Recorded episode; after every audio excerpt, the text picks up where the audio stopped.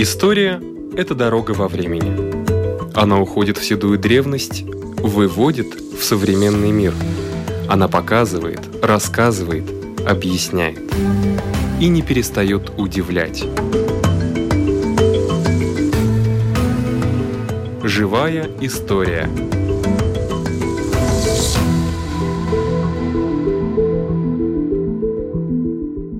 У микрофона Лидия Чера.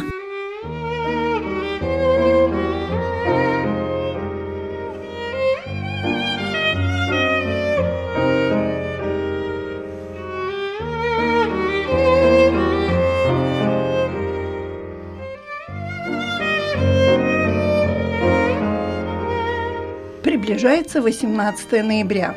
В Национальном музее истории Латвии открыта выставка «Satversmei 100». Когда-то мне музейные работники рассказывали, что при устройстве выставки обязательно нужен предмет, который может привлечь внимание. На этой выставке это три экрана, из которых хорошо загримированные под политических деятелей того времени актеры ведут достойные внимания дебаты. Ну, например.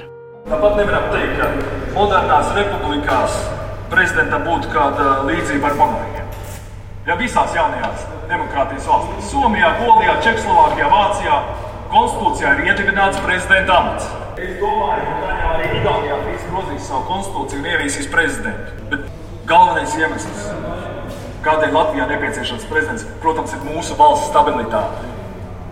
Stabilitāte un varas balans. Jā, balansu nevar panākt, ja prezidenta funkciju uztic saimnes priekšsēdētājiem. Šādā gadījumā prezidents taču būtu pilnīgi atkarīgs no saimnes. Ja pēc katrām vēlēšanām pēkšņi mainīsies visas varas, tad nekas nepaliks pāri nogrādāt. Šāda lūza bija ļoti bīstama katrā, katras valsts dzīvē. Tāpēc mums vajag neatkarīgu prezidentu, kas stāvēs pāri parlamentam. Vajadzības gadījumā iegrožos saimnes deputātu pārvaļu. Jūs vienkārši svaidāties no saimnes vairāk. Jūs skaidri zināt, ka jūsu partija nekad netiks pie stūra saimā un nevarēs ielikt prezidenta krēslā savu mazo ķeizariņu Arvedu I. Tāpat kā Zemnieku savienība, demokrātiskā ceļā nekad nevarēs Ulmani pataisīt par Kārlu I. Es protestēju! Meiderkungs!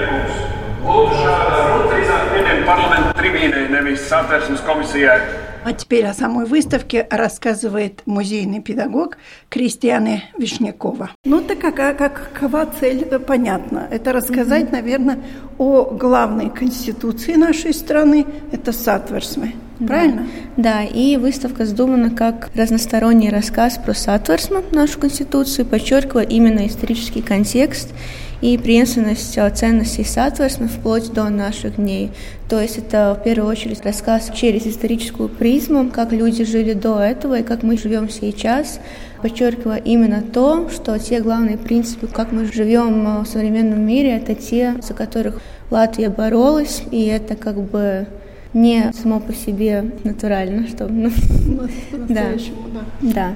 да. И принятие Сатварсма в 1922 году увенчало создание этого нового государства Латвии, а также стало поворотным историческим моментом, впервые укрепившим демократию Латвии, именно юридически и конституционально. И разработка Конституции была одной из задач, выдвинутых уже 18 ноября 1918 года, но практически осуществовать ее удалось только после окончания войны за независимость, и это произошло в 1920 году. И тогда, именно в этом году, народ тоже выразил доверие учредительному собранию, то есть Тасатварс Масапулс, это первый парламент, и тогда тоже произошли первые демократические выборы в истории Латвии. И таким образом потом в следующие два года, до 1922 года, 34 политика Латвии писали новую конституцию, которая тоже определит, какая Латвия была потом и какая она сейчас как страна. А есть да. какие-то пункты Конституции, которые устарели нашей Сатварсмы? По идее, в том-то есть загвоздка того, что несмотря на то, что этот текст а, был написан сто лет назад, этот текст очень современный, именно этот язык, как он написан, это очень а, современный, поэтому если человек сейчас, который родился в наше время, он читает этот текст, по идее будет казаться, что этот текст недавно написан. И в контексте современности есть только новые пункты, которые пришли. Но это потом... Дополнение. Да, дополнение после 91 -го года. Тогда тоже это был один из важных переломных моментов, потому что именно когда после распада Советского Союза один из главных вопросов был писать новую конституцию или восстанавливать ту, которая была уже принята в 1922 году. И в конце концов приняли решение, что мы восстанавливаем, что государство Латвии именно восстанавливает ту конституцию, и таким образом Латвия сохранила историческую преемственность. И потом уже в 90-е, 2000-е годы есть отдельные пункты, которые пришли. Но сама эта ядро, ядро. оно осталось такой, какое оно было сто лет назад. А кто эти 34 человека? Ну, может да, быть, не всех, можем, но хотелось да, бы узнать, кто. Может быть, не важен сам депутат как индивидуум, но важно то, с какой партии он был, потому что каждый это депутат, каждая партия, это были и социал-демократы, и крестьяне, и представители национальных меньшинств и так далее. Они представляли, по идее, каждую свою социальную группу.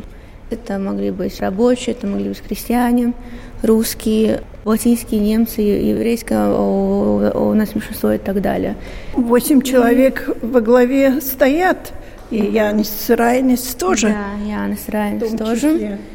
И... Альберт Квесис. То есть из да. них, наверное, большей частью юристы. Да, юристы.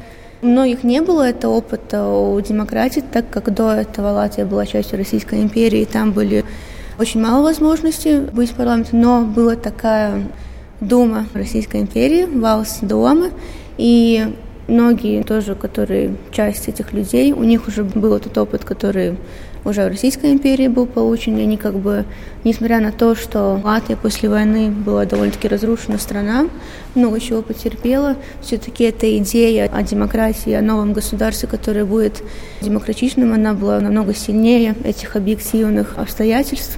Поэтому эта идея этим людям и помогла написать такую конституцию, которая до сих пор жива. И разные миноритеты, даже вот здесь, да. если взять, то уже по имени, фамилии понятно, что здесь были, наверное, Станислав Камбала, наверное, все-таки он польских кровей. Да. Езеп Лавринович, латгалец, Петерис Звагулис, ну, латыш, наверное, угу. Альберт Квесис, латыш, Исаак Юлиус Рабинович – еврей Янис Плекшанс, тоже латгалец, можно сказать. Антон Рубин. Да, были разные представители всех исторических нас меньшинств в Латвии, которые тоже боролись за свои права, потому Конституция Латвии с Атверсом, она не была принята а, единогласно, то есть это как бы результат долгих дискуссий на протяжении двух лет, и это результат в первую очередь компромисса. Потому Конституция Латвии – это компромисс в первую очередь. Ну, куда дальше пойдем? Пройдем по фамилиям или? Мы можем пройти дальше по выставке, потому что рассказ этой выставки не заканчивается на 1922 году, когда эта конституция была принята.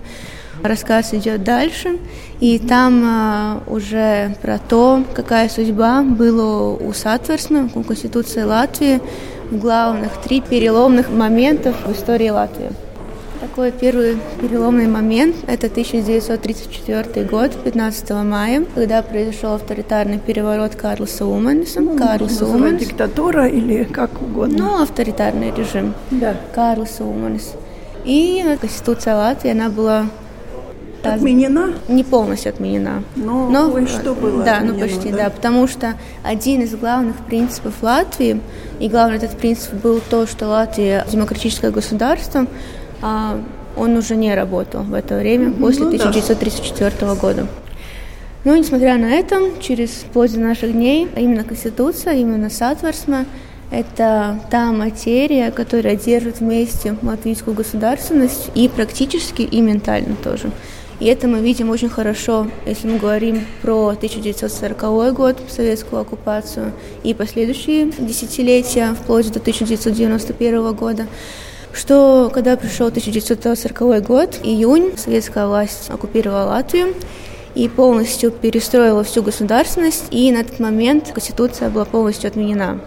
Но она жила юридически и духовно, и тех людей, которые после Второй мировой, во время Второй мировой войны уехали за границу как беженцы, и тоже у тех людей в мыслях, которые жили тут, остались в Советской Латвии и боролись против режима. И это были и это Ой. текст они сохраняли, да? Да, текст, да, текст и, и саму идею того, что она работает, и ее потом надо, когда будет новая, ну, опять же, мы, когда восстановим государственность, тоже соответственно надо будет восстановить, потому что это один из главных пунктов во всей государственности Латвии. И это было очень важно во времена трэша от мода. Третья от мода. Да, да, да, третья от мода. Актуальным стал вопрос о том, писать новую конституцию или устанавливать соответственно. И вообще в целом а, третья от мода характерны тем, что разные манифестации, разные демонстрации, они были всегда с отсылкой на историю Латвии, на все эти переломные моменты, и с отсылкой на то, что Латвия оккупирована незаконно, и что есть эта историческая последственность между Республикой 1918 года, которая 18 ноября была рождена, и между той республикой, которая потом уже была восстановлена. И таким образом выиграли те силы, которые были за то, что надо именно восстановить Это в 90-м году уже решили? Да, в 90-м решили. 4 мая, когда тоже приняли декларацию о восстановлении независимости, тоже решили и приняли этот а, переходный период советского законов обратно на соответственно. И ничего не надо было поправить? Нет. Вы говорили, что кое-что дополняли. Ну, ну дополняли тут тоже выставки. Видно, что начиная потихоньку с 90-х годов вплоть до 2014 года, когда были разные изменения. И права человека, про латышский язык как единственный государственный язык, про установление суда Satversmes, Satversmes tiesa, и тоже приняли преамбулу, соответственно, именно после уже восстановления независимости. И, конечно, Латвия, это, если смотреть контекст истории, и это тоже один из главных пунктов в этой выставке, это о том, что Латвия, она не изолирована от других исторических процессов, то, что все мы видим в истории Латвии, это были, по идее, тенденции в целом Европе, особенно в нашем регионе. А что это за карта? Что она? Да, эта карта уже показывает, э, что происходило со странами уже после распада Советского Союза, что все балтийские страны, и другие страны в регионе, у них тоже был такой же самый вопрос, что делать, восстанавливать конституцию, которая была до этого, или писать новую. И, и страны разделились, я так понимаю. Ну, не все. Да, ну, вот возьмите, все, Молдова все. приняла новую конституцию. Да, приняла новую. Были такие страны, у которых, может быть, не было государственности до этого, потому им надо полностью строить. Или была государственность на очень маленький период времени. Болгария принимала новую, Словакия новую. Да. Польша в 92-м приняла временную конституцию. Чехия в 92-м приняла новую конституцию и заменила то, которая была и называла, как бы сказать, Чехию и Словакию. Одной Чехословакии, теперь Чехия и Словакия принимали свою конституцию. Угу. Все менялось в 90-х годах. Да. Как мы видим, эта выставка не просто о сатверсме как о юридическом документе, это выставка в первую очередь о сатверсме, о Конституции как исторический феномен, который определял, какая будет Латвия тогда и какая она сейчас. И нам еще раз показывает, что все эти ценности, каким мы живем, с точки зрения современного человека, они кажутся самим по себе приемлемыми, но то время, особенно до начала 20 века, это были те ценности, о которых люди еще не знали. Они жили совсем по другим правилам, и потому Сатушма это тоже такой переломный момент в истории Латвии, когда эта социальная реальность полностью поменялась, и эти принципы до сих пор живы, и для нас они уже полностью приемлемы, без вопросов.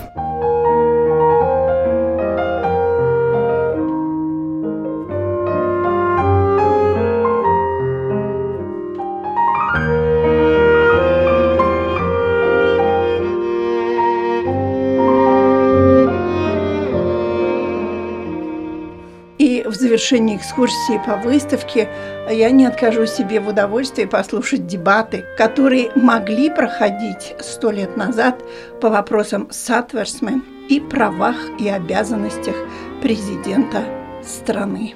Bet es gribētu ņemt nopietni sociāldemokrātu iebildumus. Ja mēs pielaižam, ka prezidents ticis pie varas, gribētu lauzt satversmi un veikt puču, tad taču lielāks risks būtu taisnība no tāda prezidenta, kas reizē ir saimnes priekšsēdētājs. Šādā kombinācijā, kur viens personas rokās jau tā koncentrētos vairāk pilnvaru un kārdinājumi sagrābt varu ir, ir lielāki nekā ja atsevišķs valsts prezidents, kurš ir atkarīgs no saimnes deputātu balsojuma. Kurš vēlas izteikties? Lūdzu, doktors Šīmanis. Tas ir svarīgi. Par divpalātu parlamentu nav neviena paša. Tad nu, obligatoriski ir jābūt kādai citai instancei, kas pildīs otrās palātas funkciju. Piemēram, valsts prezidentam. Viņš varēs savaldīt vienpalātas saimi, ja tā novēršas no tautas gribas. Te vairāk izteicās, ka tas rada briesmas par monarhistisko despotismu. Nē, despotisms draud nevis no viena cilvēka, prezidenta, kurš uzņems personīgu atbildību, bet gan no kolēģijas simts deputātiem parlamentā, kuriem nav jāuzņemas personīga atbildība. Tādēļ es un mani politiskie dombiedri aizstāvēs atsevišķa valsts prezidenta institūciju.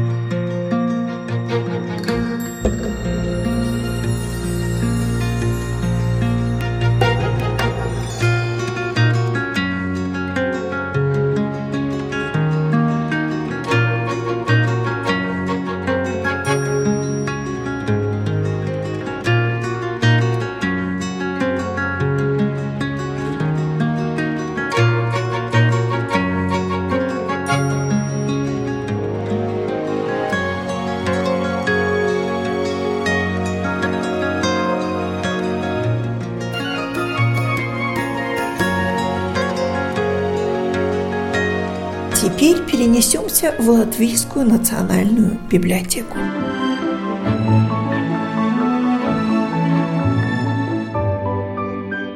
историк Мартин Шмейнтаурс. И мне как-то подумалось, вот сколько веков люди читают книги. По-моему, всего два века. Это так активно 19 и 20. А 21 уже как бы меньше читают книги, да. больше электронные всякие приборы, которые у нас угу. есть, телефоны, гаджеты. Да, или электронная книга, как она сейчас называется, да. специальное такое явление. Ну, пока... Два века, да, всего? Ну, два так, века – это такого интенсивного чтения, в силу того, что эти два века у нас существует и пресса, и, конечно, печатные книги, которые выходили уже, как говорится, массовым тиражом.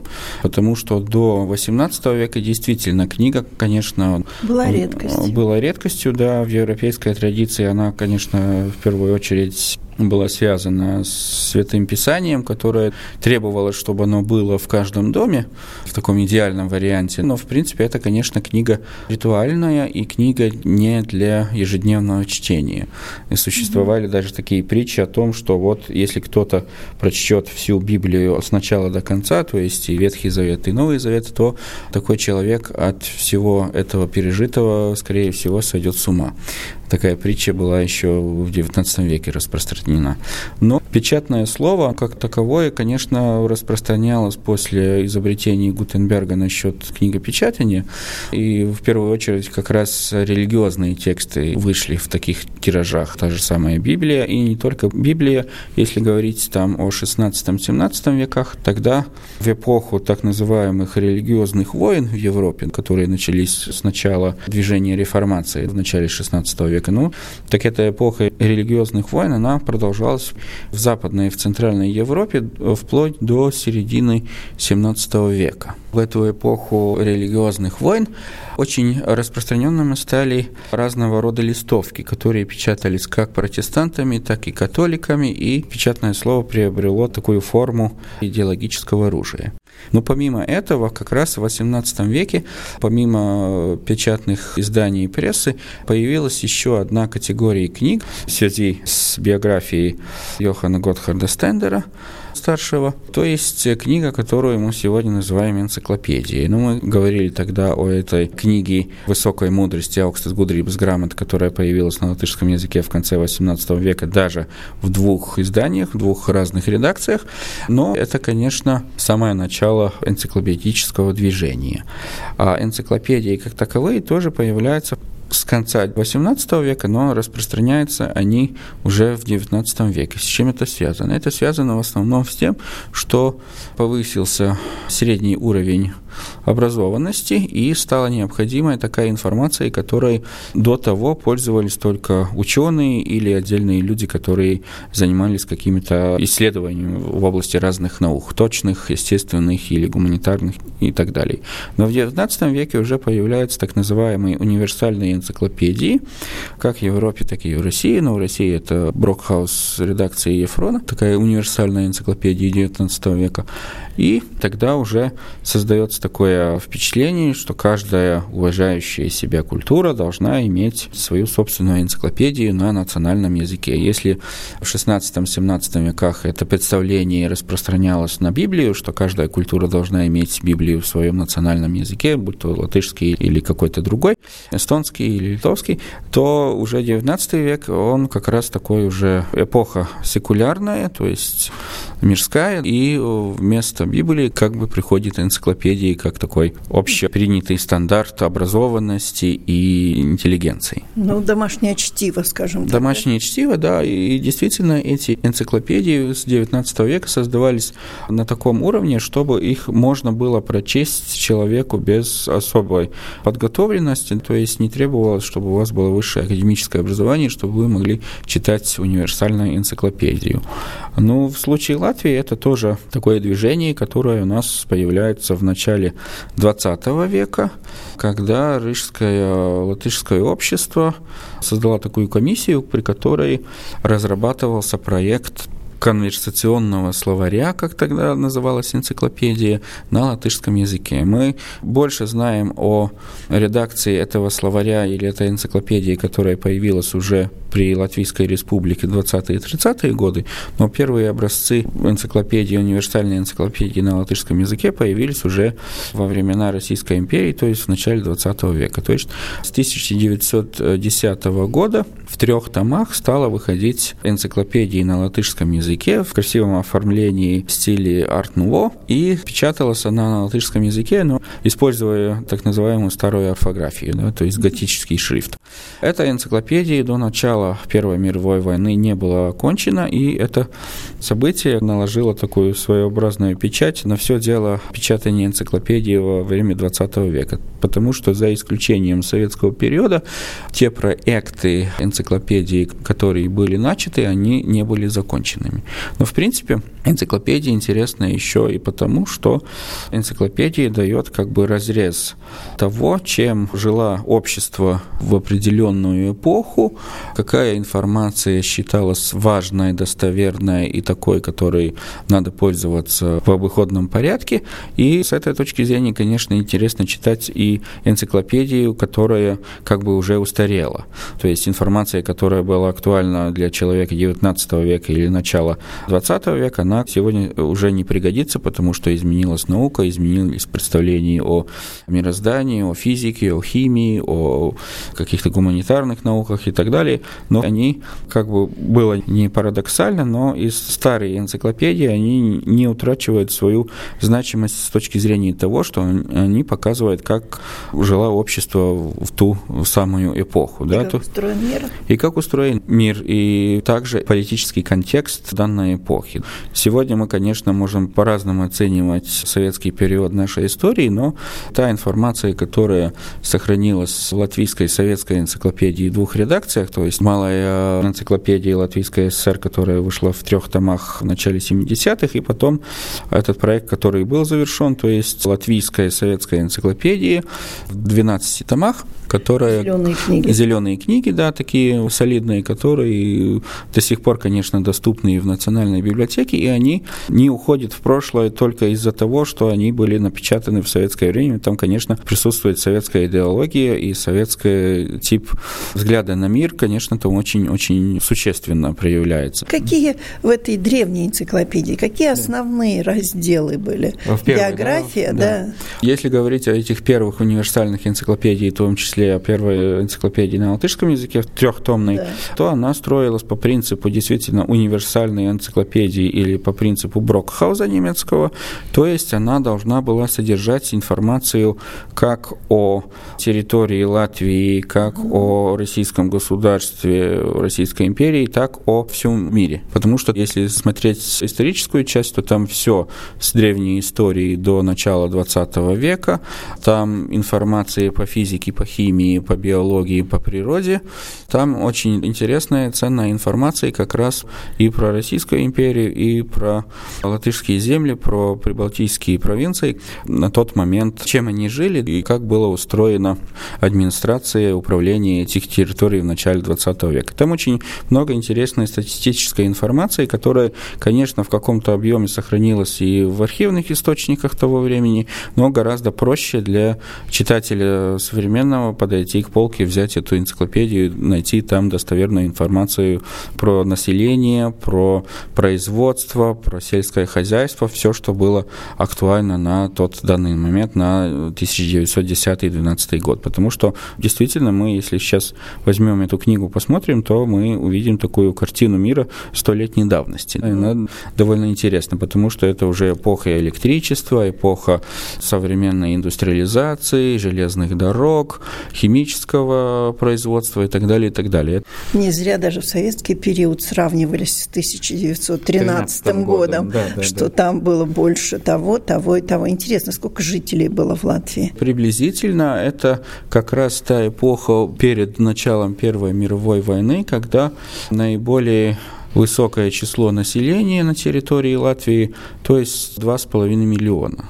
Потом, после Первой мировой войны, конечно, эта цифра упала из-за эвакуации промышленности в 2015 году, вместе с которой уехали с заводами, уехали и рабочие, и поток беженцев в Западной Латвии тоже в 2015 году в российские губернии, и эти, конечно, беженцы не все вернулись потом после войны назад на родину, но 2,5 миллиона или 2 миллиона 600 тысяч приблизительно. Ну, то же самое число населения, которое мы имели в конце 80 70-х годов к исходу советского периода. И потом, ну, сейчас мы тоже как раз испытываем такую волну, которая внесла и в эмиграцию экономическую, другую, и сокращение населения. Так что тоже, если посмотреть по энциклопедиям, то можно увидеть, как эти волны приходят и уходят, и разобраться в том, что же случилось, и получить наиболее точную информацию о том, как изменился состав и численность населения. И также и те энциклопедии, которые печатались после Второй мировой войны в латышской эмиграции. Тоже первая энциклопедия вышла в свет в 50-е годы в Швеции, трехтомная, называлась «Латышская энциклопедия». И потом вторая редакция этой же самой латышской энциклопедии под руководством других уже редакторов вышла в свет в 80-е годы, как раз перед уже восстановлением государства, но еще тогда на Западе. Так что это тоже интересно сравнить. Если в первой этой энциклопедии, которая вышла в свет в эмиграции, там данные о советской Латвии довольно мало, и они какие они могли бы быть в 50-е годы, когда информация была еще недоступна, то во второй редакции этой энциклопедии тут как раз намечается повышенный интерес к современной Латвии тогдашней. Они очень тщательно собирали информацию, которую могли напечатать для западного латышского читателя, который проживал в эмиграции, потому что достать советскую энциклопедию из Советского Союза было довольно сложно.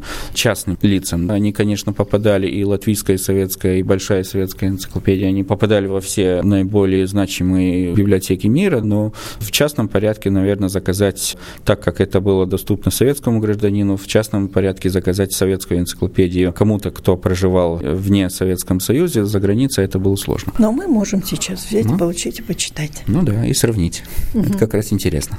Спасибо. У нашего микрофона был историк Мартинч Минтаурс. На этом наша передача заканчивается. Всего вам доброго.